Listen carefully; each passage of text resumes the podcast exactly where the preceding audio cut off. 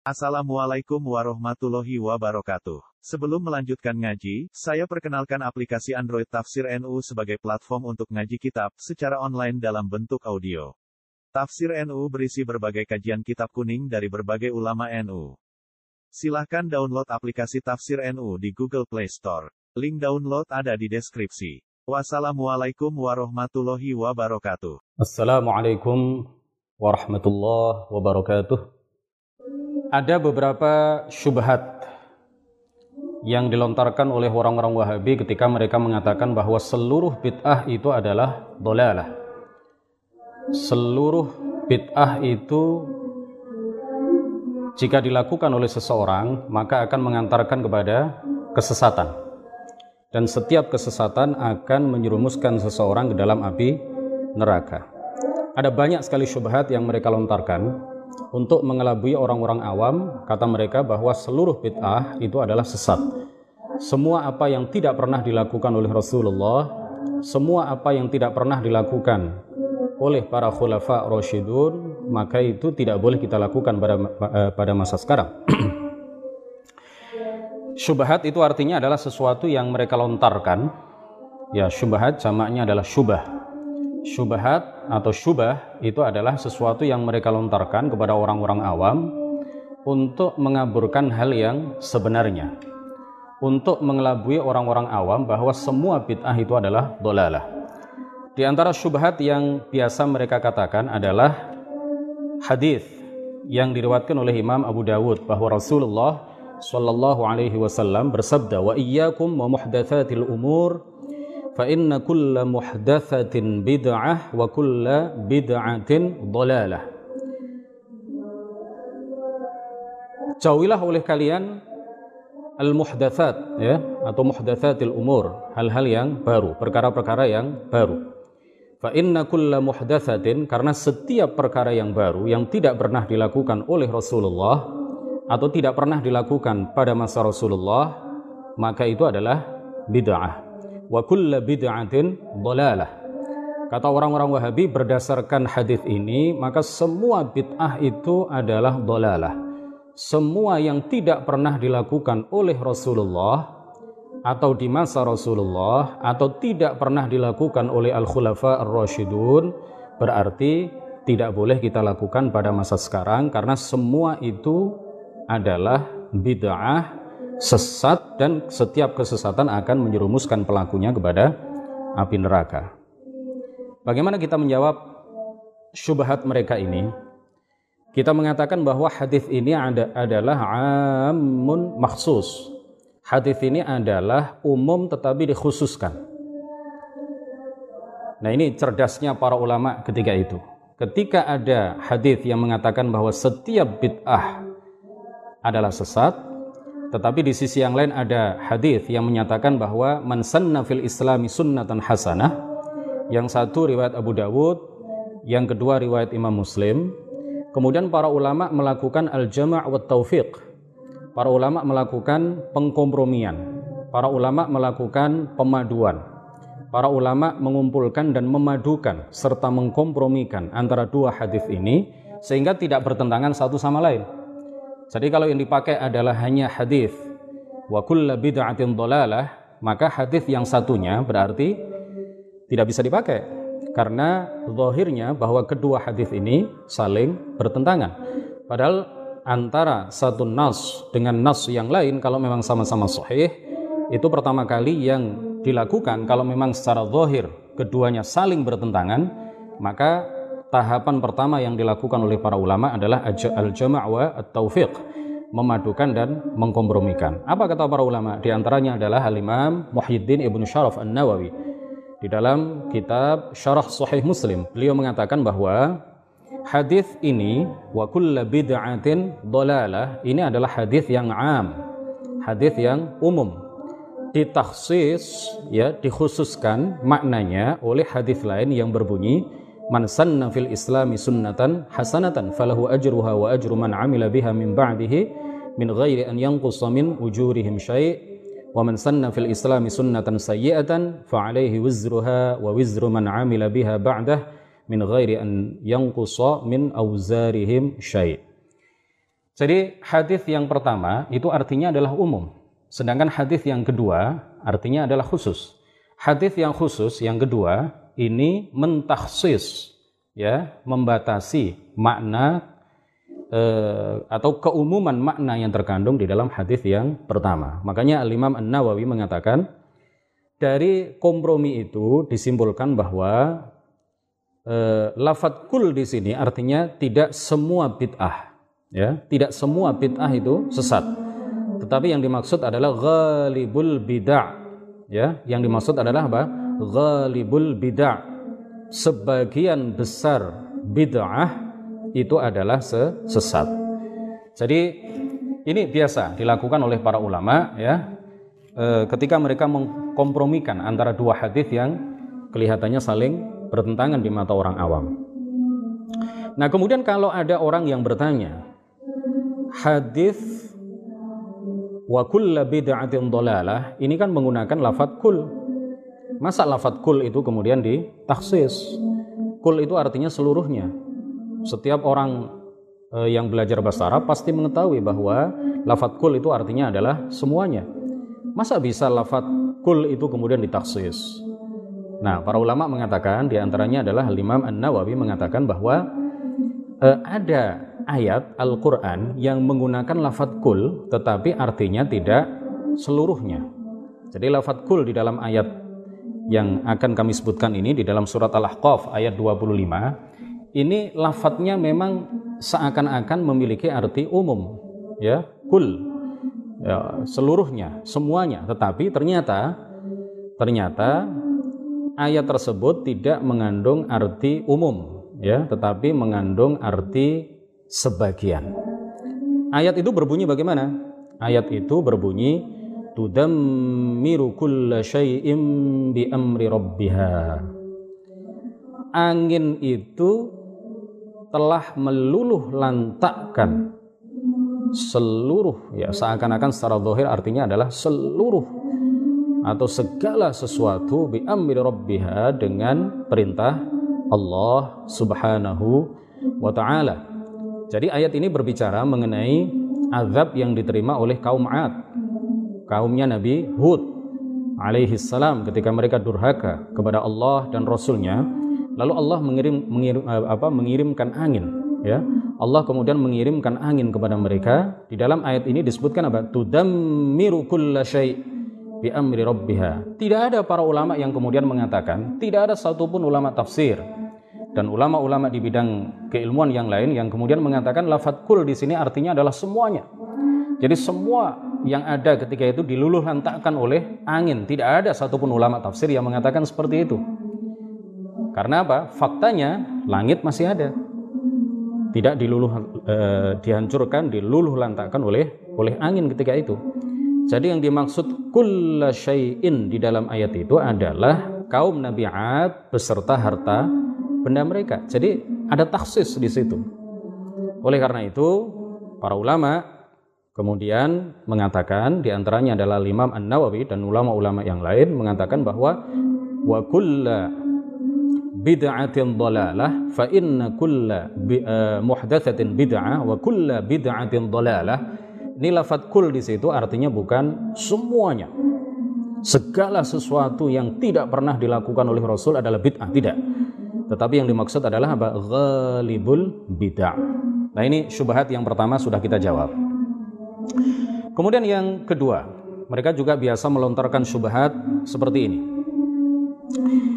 Kata mereka, man sanna hadis, man sanna fil islami sunnatan hasanatan, barang siapa yang merintis sebuah kebaikan di dalam Islam, falahu ajruha wa ajru man amila biha mim ba'dih. Nah, hadis ini kata mereka artinya adalah bahwa barang siapa yang merintis sebuah perkara yang baik di masa Rasulullah Shallallahu Alaihi Wasallam maka dia mendapatkan pahala yang besar. Kata mereka hadis ini hanya khusus berlaku di masa Rasulullah, tidak berlaku setelah masa Rasulullah Shallallahu Alaihi wasallam. Begitu yang mereka lontarkan kepada orang-orang awam. Bagaimana para ulama menjawab? Para ulama mengatakan bahwa Ada kaidah yang telah disepakati oleh para ulama. Kaidah itu berbunyi begini, la tathbutul khususiyatu illa bidalil. La tathbutul khususiyatu illa bidalil. Jadi pengkhususan itu tidak boleh dilakukan kecuali harus ada dalilnya. Nah, ketika mereka mengatakan bahwa hadis ini hanya khusus berlaku pada masa Rasulullah Shallallahu Alaihi Wasallam, dalilnya apa? Nggak ada. Ketika mereka mengatakan bahwa hadis ini yang dimaksud adalah bahwa orang yang merintis sebuah perkara yang baik di masa Rasulullah, maka dia mendapatkan pahala. Sedangkan orang-orang yang merintis perkara-perkara baru yang tidak pernah dilakukan oleh Rasulullah, Eh, sepeninggal Rasulullah, setelah Rasulullah meninggal dunia, maka hal itu tidak boleh. Hal itu haram, hal itu bid'ah yang sesat, hal itu mengantarkan kepada kepada neraka. Nah, ketika mereka melakukan khususiyah seperti ini, pengkhususan seperti ini, dalilnya apa? Mereka nggak punya dalil. Oleh karena itu, kalau mereka memang tidak punya dalil, nah apa yang kita katakan? Uh, hadis ini ya ala umumihi jadi hadis ini tetap kita berlakukan keumuman maknanya bahwa orang setiap orang yang merintis perkara-perkara baru di dalam Islam, setiap orang yang merintis perbuatan-perbuatan yang baik, baik pada masa Rasulullah ataupun setelah masa Rasulullah, pada masa sahabat ataupun setelah masa sahabat, setelah masa sahabat ataupun setelah masa tabi'in dan seterusnya sampai sekarang maka baginya pahala dari rintisan perbuatan baik yang telah dia dia lakukan. Makanya hadis itu berbunyi apa? Man sanna fil Islam.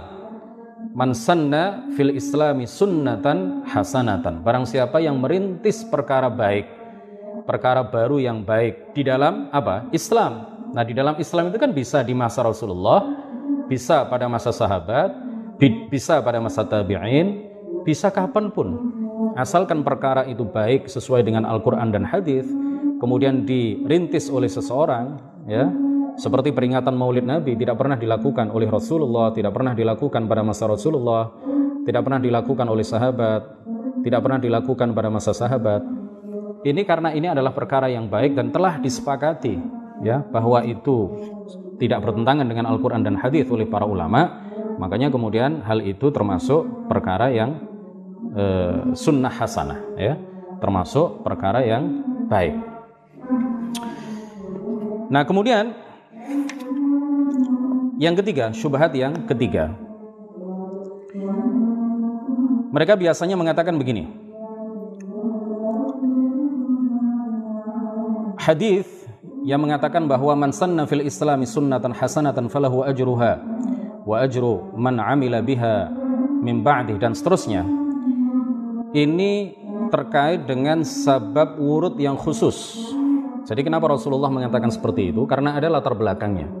Karena ada sababul wurudnya. Karena ada sebab yang terjadi ketika itu bahwa ada e, beberapa orang fakir yang saking fakirnya ya, tidak punya uang sama sekali, tidak punya harta sama sekali sampai-sampai mereka menggunakan semacam kulit hewan dilubangi tengahnya, kemudian dimasukkan melalui leher mereka kemudian uh, kulit itu dijadikan pakaian oleh mereka ini saking miskinnya mereka saking fakirnya mereka ketika melihat itu Rasulullah Shallallahu Alaihi Wasallam kemudian bersedih ya berubah paras mukanya merasa bersedih, kasihan melihat mereka. Kemudian ada beberapa orang sahabat yang berinisiatif untuk mengumpulkan sedekah.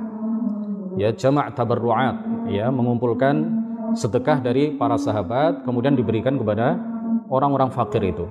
Melihat apa yang dilakukan oleh para sahabat ini, kemudian Rasulullah Shallallahu Alaihi Wasallam sangat bergembira. Kemudian beliau mengatakan apa? Man sanna fil Islami sunnatan hasanatan, falahu ajruha wa ajru man amila biha dan seterusnya. Nah orang-orang Wahabi mengatakan bahwa hadis ini jangan di tarik ke makna yang umum karena memang sebabnya itu khusus. Sebabnya itu karena seperti itu, seperti yang tadi sudah kami jelaskan. Dan hadis Rasulullah ya di mana uh, di mana beliau bersabda man sanna fil islami sunnatan hasanatan ini adalah pujian dari beliau kepada orang-orang yang mengeluarkan sedekah kepada orang-orang yang menyisihkan sebagian hartanya untuk disedekahkan kepada orang-orang yang fakir dan ini sama dengan hadis-hadis lain yang menjelaskan tentang keutamaan sedekah. Nah kita jawab bagaimana?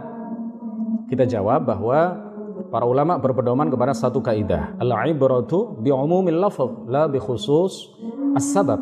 Yang dijadikan pedoman itu adalah keumuman lafal sebuah dalil bukan kekhususan sebabnya. Hadis itu memang disabdakan oleh Rasulullah dengan dilatar belakangi sebab tertentu tetapi Rasulullah kan kemudian tidak mengatakan secara khusus ya tetapi kemudian Rasulullah Shallallahu Alaihi Wasallam menyabdakan sabda yang umum, man sanna fil Islami sunnatan hasanatan. Rasulullah memuji para sahabat yang mengumpulkan sedekah untuk diberikan kepada orang-orang fakir itu. Rasulullah juga memuji orang-orang yang merintis setiap perkara baru sepeninggal beliau. Sep, uh, sepeninggal beliau, sepeninggal para sahabat, ya kalau ada orang-orang yang merintis, memulai sebuah perkara baik, sebuah perkara yang tidak pernah dilakukan oleh Rasulullah Shallallahu Alaihi Wasallam, tetapi tidak bertentangan dengan Al-Quran, bahkan ada kesesuaian dengan Al-Quran dan hadis, maka orang tersebut juga masuk dalam pujian hadis ini. Nah, begitu para ulama memahami. Tidak seperti yang dipahami oleh orang-orang Wahabi. Kemudian syubhat yang keempat. Orang-orang Wahabi biasanya mengatakan, ya, sebagian dari mereka mengatakan bahwa hadis yang berbunyi wa kulla bid'atin dolalah ini tidak ditakhsis, tidak dikhususkan oleh hadis man sanna fil islami sunnatan hasanatan, tetapi sebaliknya, hadis yang berbunyi man sanna fil islami sunnatan hasanatan ini ditakhsis oleh hadis wa kulla bid'atin dolalah. Artinya mereka tetap bersikukuh mengatakan bahwa setiap perkara yang uh, baru yang tidak pernah dilakukan oleh Rasulullah itu semuanya sesat tidak boleh kita lakukan. Nah, uh, apa bantahan yang kita sampaikan kepada mereka? Kita mengatakan seperti yang dikatakan oleh para ulama. Lagi-lagi kita mengutip Al-Imam An-Nawawi, Muhyiddin Ibnu Syaraf An-Nawawi apa yang beliau katakan? Jadi kalau kemudian orang-orang Wahabi mengatakan bahwa eh, hadis wa kullu bid'atin dalalah itu tidak ditaksis oleh hadis man sanna fil islami sunnatan hasanah. Justru sebaliknya, hadis yang berbunyi man sanna fil islami sunnatan hasanatan itu ditaksis, dikhususkan oleh hadis wa kullu bid'atin dalalah ini adalah penafsiran yang ngawur.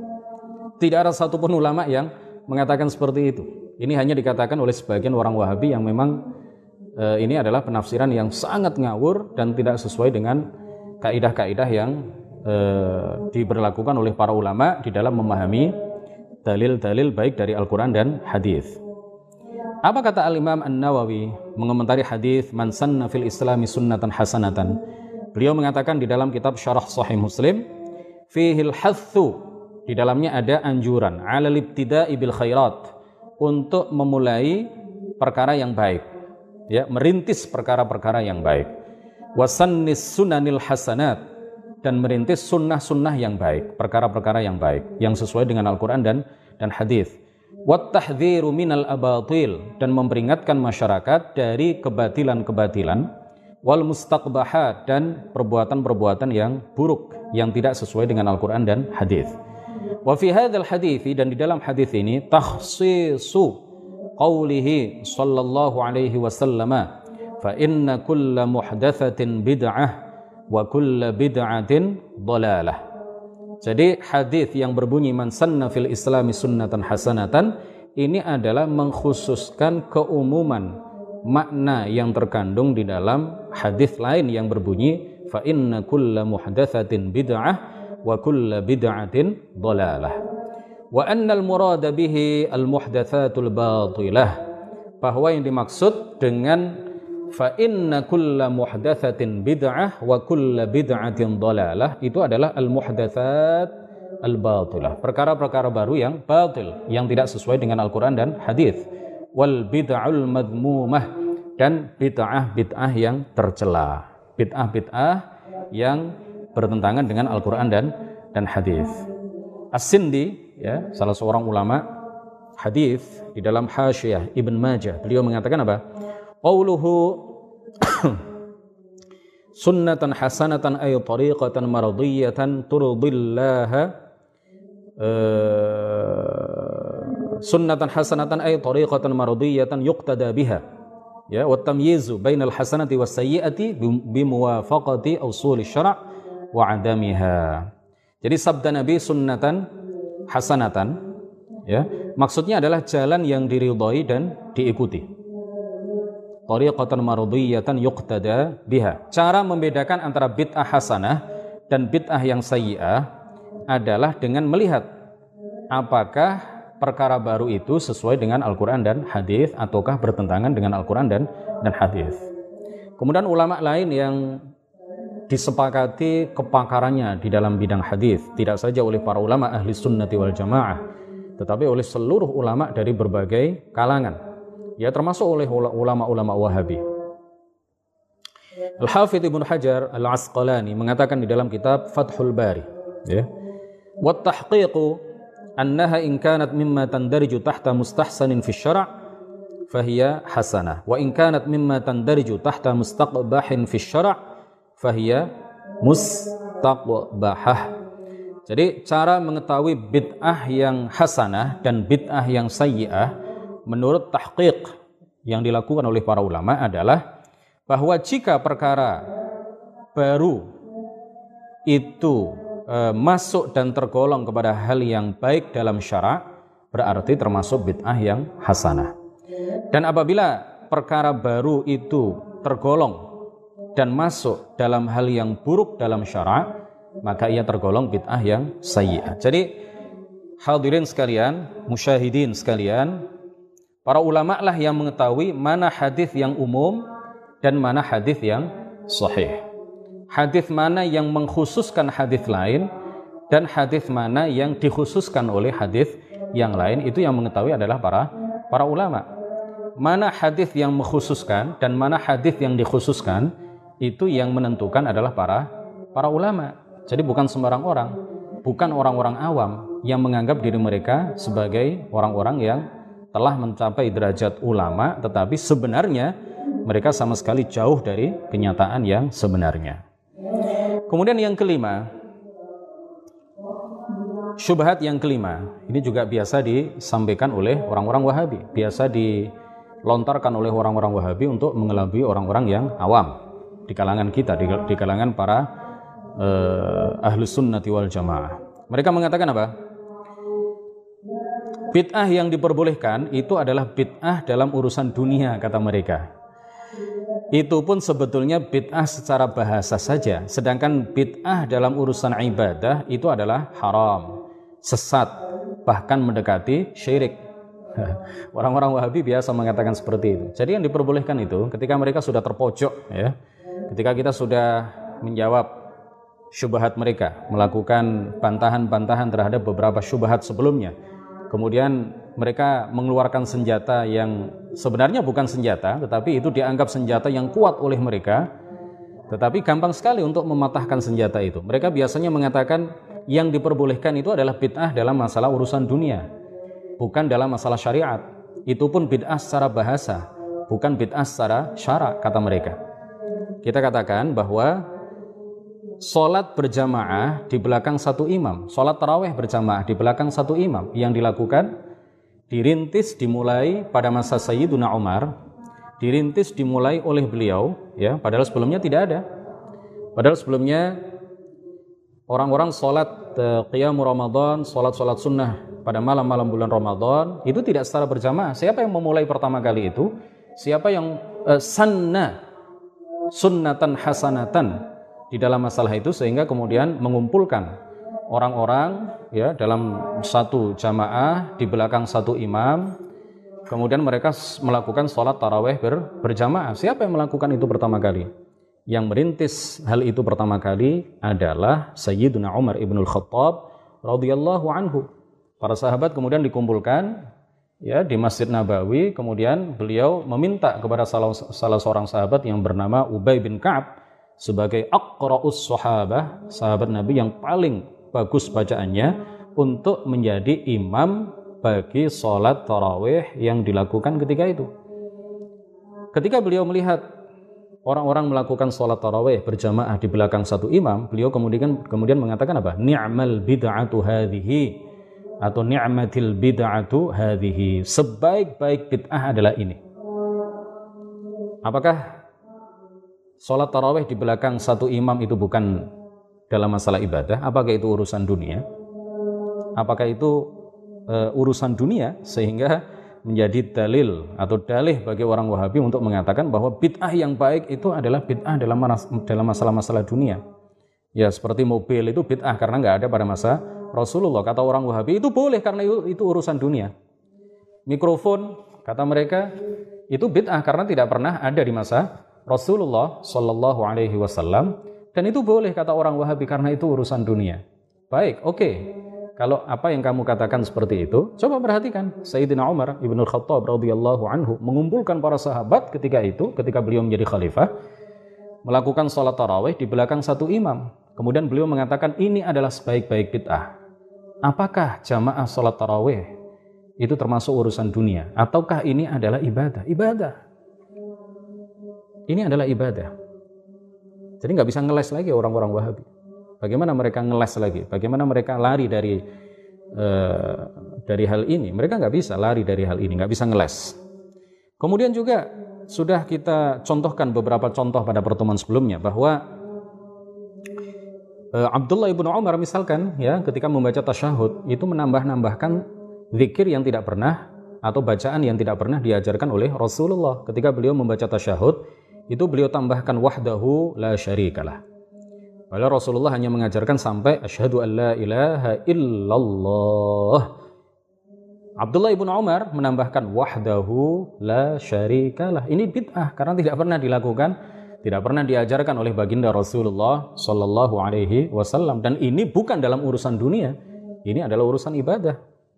Kemudian contoh lain adalah ketika ada ini sudah kita singgung pada pertemuan sebelumnya Ketika Rasulullah menjadi imam, kemudian di belakang beliau uh, ada seseorang yang membaca zikir di dalam i'tidal dengan bacaan zikir yang tidak pernah dilakukan dan tidak pernah diajarkan oleh Rasulullah Shallallahu Alaihi Wasallam. Rasulullah tidak menegur sahabat itu. Rasulullah juga tidak melarangnya. Bahkan beliau mengatakan, Ra'aitu bid'atan wa thalathina malakan yabtadirunaha ayyuhum yaktubuha awal.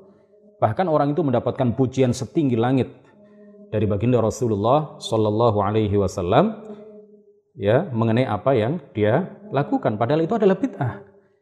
Jadi urusan baca zikir di dalam sholat itu masuk urusan dunia atau masuk urusan ibadah, urusan ibadah, urusan akhirat. Kemudian doa kunut, sebagaimana yang sudah kita sampaikan pada beberapa pertemuan yang lalu, dua pertemuan yang lalu bahwa eh, doa kunut yang warid, ya itu yang diajarkan oleh Rasulullah yang makthur yang diajarkan dan dilakukan dibaca oleh Rasulullah Shallallahu Alaihi Wasallam itu tidak sama dengan doa kunut yang dibaca oleh umumnya masyarakat pada masa sekarang. Tetapi hal itu dibolehkan oleh oleh para ulama ya. Di antaranya adalah Imam An Nawawi di dalam Raudhah At-Talibin. Beliau menjelaskan bahwa uh, para ulama itu menambahkan wala ya'izzu man adait ya. Padahal itu tidak pernah dilakukan, tidak pernah diajarkan oleh Rasulullah Shallallahu Alaihi Wasallam. Dan kemudian itu diikuti oleh para ulama, diikuti oleh masyarakat umum, diikuti oleh umat Islam dari masa ke masa sampai orang-orang Wahabi juga membaca beberapa tambahan redaksi doa kunut yang tidak maksur, yang tidak warid, tidak pernah diajarkan dan tidak pernah dilakukan oleh Rasulullah Shallallahu Alaihi Wasallam. Ini adalah bid'ah karena Rasulullah tidak mengajarkan. Ya, ini adalah bid'ah karena Rasulullah tidak pernah melakukan itu, tidak pernah menambahkan redaksi seperti itu. Ini bukan redaksi yang maksur, bukan redaksi yang warid dari Rasulullah Shallallahu Alaihi Wasallam. Nah, urusan doa kunut di dalam sholat subuh atau kunut nazilah dalam sholat lima waktu dengan redaksi-redaksi tambahan yang disusun oleh beberapa orang ulama yang tidak pernah dilakukan oleh Rasulullah itu apakah bukan urusan agama? Apakah itu bu bukan urusan ibadah? Apakah itu urusan dunia? Bukan, urusan ibadah. Dan itu dibolehkan oleh para ulama dari masa ke masa. Kemudian juga menulis solawat. Ya, menulis solawat. Setelah kita menyebut atau setelah kita menulis nama Muhammad, kemudian kita tulis solawat di belakangnya. Itu juga bid'ah karena tidak pernah diajarkan oleh Rasulullah Shallallahu Alaihi Wasallam.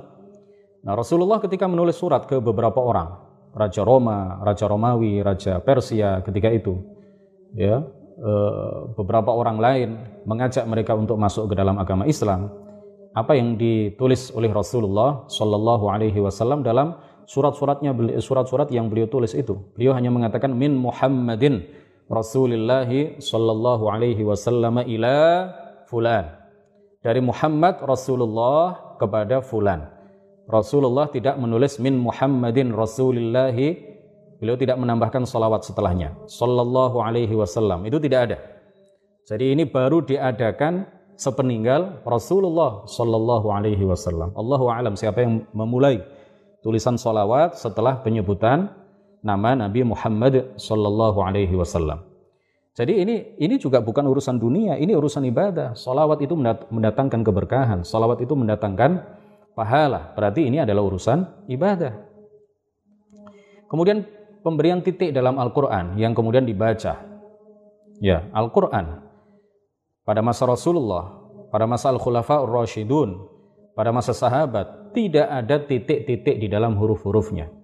Tidak ada harokat i'rab di dalam huruf-huruf yang ada di dalam Al-Quran. Kemudian baru Eh, salah seorang ulama di kalangan tabi'in yang bernama Yahya bin Ya'mur atau Yahya bin Ya'mar. Beliaulah orang yang pertama kali merintis atau memulai pemberian titik-titik di dalam huruf-huruf Al-Quran sehingga ada bedanya antara ba dengan ta dengan tha. Sebelumnya tidak ada bedanya antara ba, ta dengan tha. Sama semuanya. Jim, ha, kha tidak ada bedanya. Semuanya begini, nggak ada titiknya. Siapa yang pertama kali merintis pemberian titik? di dalam huruf-huruf yang ada di dalam Al-Quran bukan para sahabat tetapi salah seorang ulama di kalangan tabi'in yang bernama Yahya bin Ya'mur sebagaimana hal itu diterangkan di dalam kitab Al-Masahif karya e, Ibnu Abi Dawud ya putra sahib As-Sunan.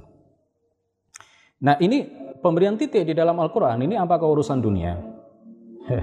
apakah ini urusan dunia wahai orang-orang Wahabi? Bukan, ini ini adalah urusan akhirat, ini adalah urusan ibadah ini adalah urusan yang berkaitan dengan pahala.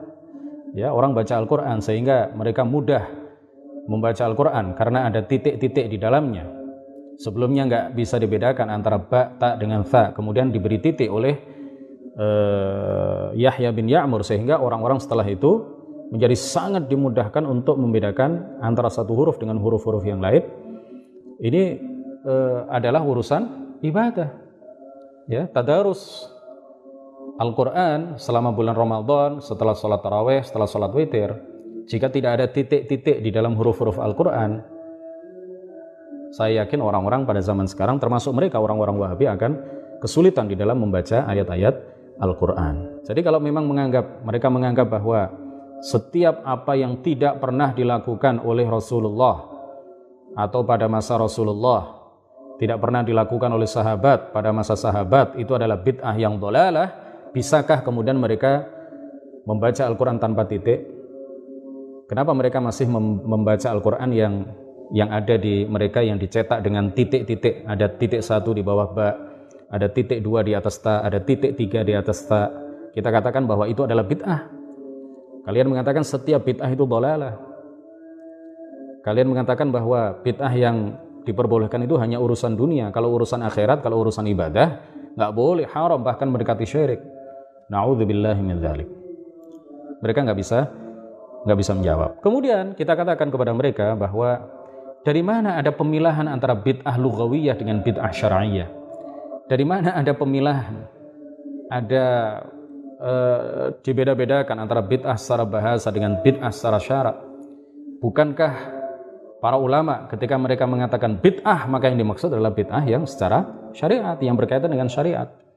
Ketika Sayyiduna Umar bin Khattab radhiyallahu anhu mengatakan ni'matil bid'atu hadhihi atau dalam satu riwayat ni'mal bid'atu hadhihi itu kemudian dipahami oleh sebagian orang Wahabi, ini kan yang dikatakan Umar ini adalah bid'ah yang secara bahasa. Kita katakan dalil kamu untuk mengatakan dalil kalian ya untuk mengatakan bahwa yang dimaksud oleh Sayyidina Umar ketika beliau mengatakan ni'mal bid'atu hadhihi adalah bid'ah secara bahasa itu dari mana? Dari mana?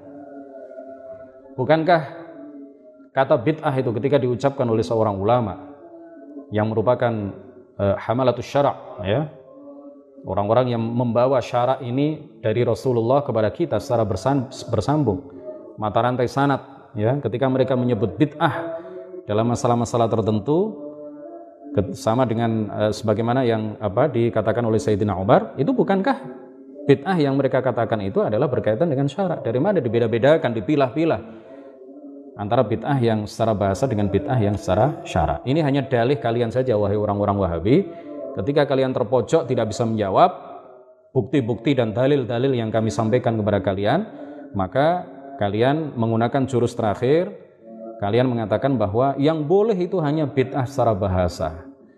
Ya. Atau yang dimaksud adalah bid'ah secara bahasa. Adapun bid'ah secara syara itu nggak ada yang baik, semuanya sesat. Kemudian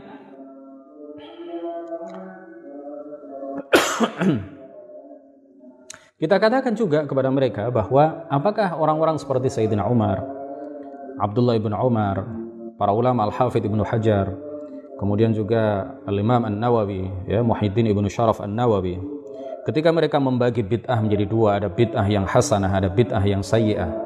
Al-Aziz ibn Abdissalam ketika beliau membagi bid'ah menjadi lima, bahkan Imam An-Nawawi itu tidak hanya membagi bid'ah menjadi dua, beliau kadang-kadang membagi bid'ah menjadi dua, tetapi di salah satu bagian dalam kitab Syarah Sahih Muslim, beliau mengatakan bahwa bid'ah itu ada lima. Ada bid'ah yang wajib, ada bid'ah yang haram, ada bid'ah yang makruh, ada bid'ah yang sunnah, ada bid'ah yang mubahah. Ya, ketika mereka membagi bid'ah menjadi dua atau menjadi lima, Imam Syafi'i juga kata beliau ada bid'atu huda, ada bid'ah yang dolalah, ada bid'ah yang hasan, ada bid'ah yang dolalah. Ketika para ulama, orang-orang tokoh-tokoh besar sekali berimam Syafi'i, sekali berimam An-Nawawi, sekali beral Hafidh Ibnu Hajar, Al-Asqalani, mereka membagi bid'ah menjadi dua atau menjadi lima. Tidakkah mereka eh, dikatakan bahwa mereka itu tidak pernah mendengar atau tidak pernah mendapat keterangan bahwa ada hadis yang menyatakan fa inna kulla muhdatsatin bid'ah wa kulla bid'atin dhalalah. Mereka pasti mendengar itu ya karena hadis ini adalah hadis yang sangat populer di kalangan para ulama tidak hanya di kalangan para ulama tetapi juga di kalangan uh, orang-orang awam. Fa inna kulla muhdatsatin bid'ah wa kulla bid'atin dhalalah hadis ini sangat populer dari masa ke masa ya tidak hanya di kalangan orang Wahabi di kalangan para ulama ahli sunnah di kalangan orang-orang awam. NO mereka semuanya saya yakin pernah mendengar hadis fa inna kulla muhdatsatin bid'ah wa kulla bid'atin dhalalah apalagi para ulama. Jadi meskipun mereka mendengar ya hadis yang sangat populer ini, tetapi mereka tetap membagi bid'ah menjadi dua atau menjadi li, lima. Karena mereka meyakini dan mereka sangat memahami dalil-dalil uh, yang ada di dalam Al-Quran, dalil-dalil yang ada di dalam hadis.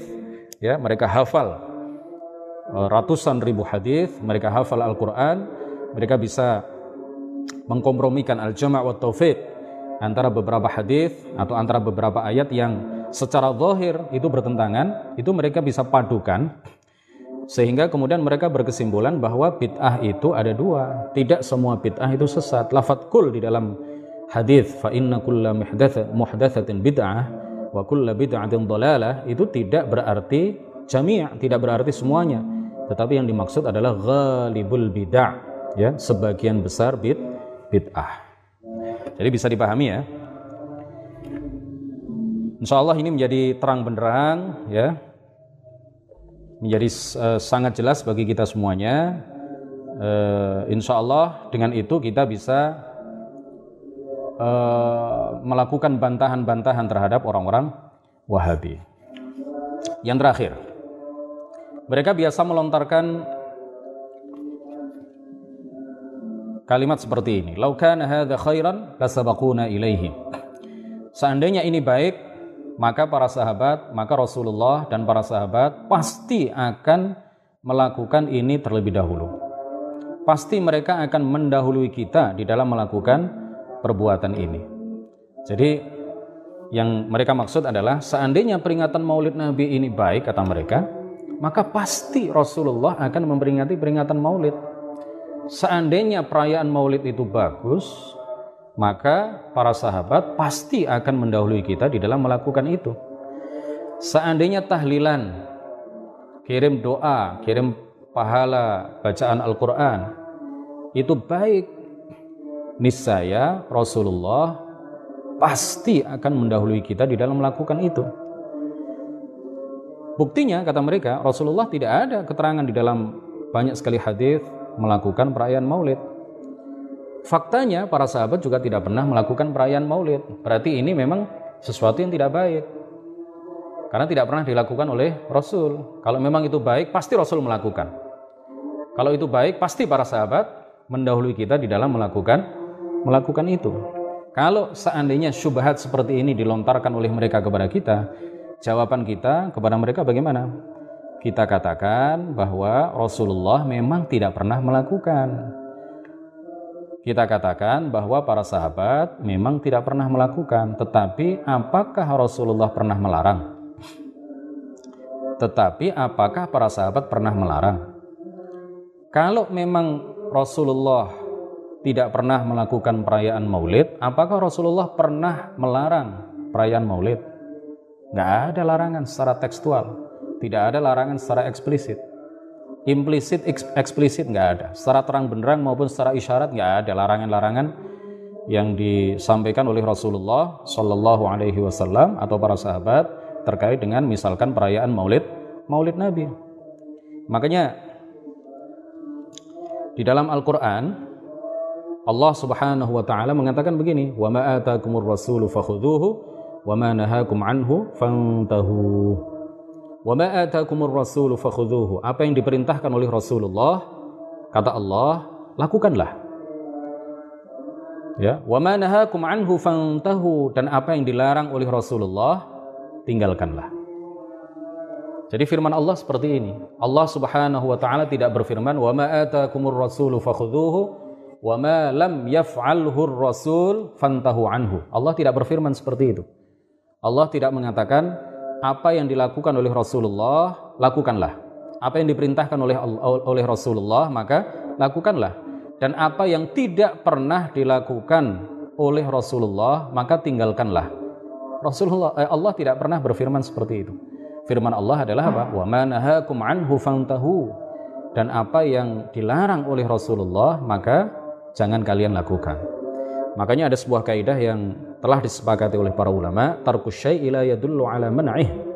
Tarkus syai'i la yadullu ala man'ihi. Ketika Rasulullah tidak melakukan sesuatu, itu la yadullu ala man'ihi. Tidak serta-merta kemudian dipahami Rasulullah melarang itu. Atau tidak serta-merta dipahami bahwa perbuatan yang tidak pernah dilakukan oleh Rasul itu kemudian terlarang bagi kita untuk melakukannya.